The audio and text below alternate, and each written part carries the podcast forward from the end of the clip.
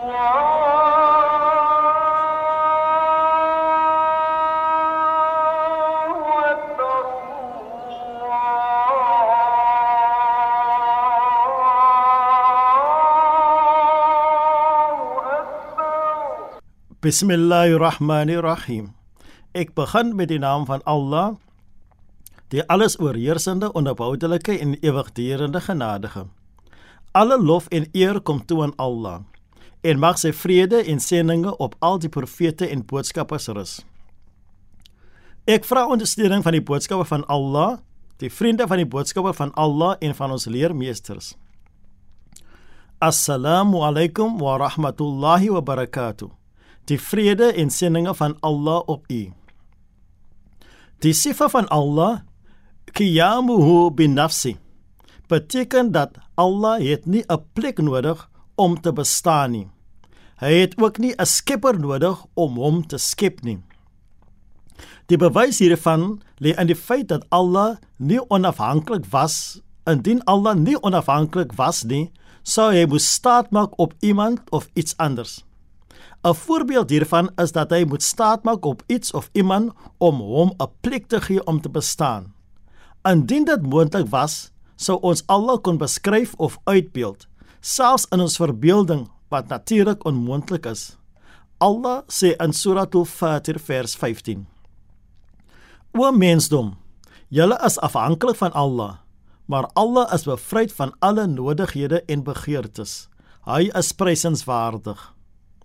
Al-Wahdaniya beteken dat Allah alleen en enkel in sy self is.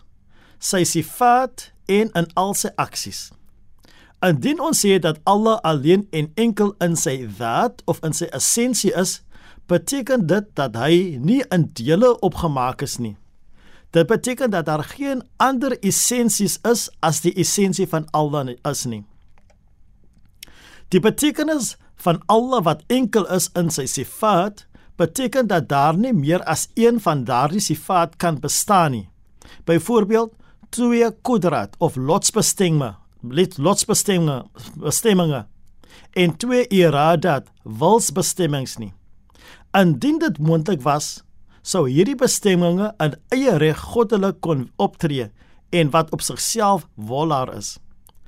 Die betekenis van Allah wat alleen en enkel in sy aksies is, is dat Allah nie 'n deelgenoot het wat hom help om sy aksies uit te voer nie. Hy doen wat hy wil, soos hy dit wil en deur sy eie keuse.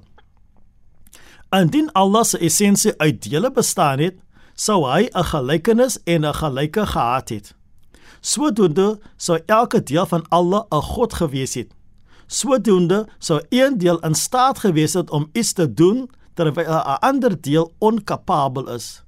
Indien ons hierdie sifaat van alle in dele kan deel, dan sou een deel afhanklik gewees het en 'n ander deel nie.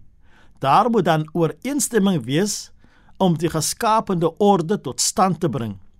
Indien dit so is, dan sou elkeen van die gode onkapabel wees om die geskaapte orde tot st tot stand te bring. Indien elkeen besluit om 'n orde agter mekaar tot stand te bring, dan wat as tahsilul hasil beteken sal bekend staan sal in effek kom. Tahsilul hasil beteken om iets te kry wat reeds plase vind het.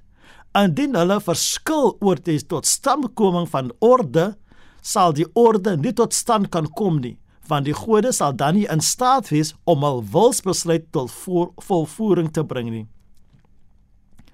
Bismillahirrahmanirrahim. Ek begin met die naam van Allah, die alles oorheersende, die onverboudelike genadige. Alle lof kom Allah toe, die Heer van die geskaapte orde, die alles oorheersende genadige, die onverboudelike en ewigdurende genadige. Meester van die oordeelsdag, U alleen aanbid ons en U alleen smeek ons om hulp.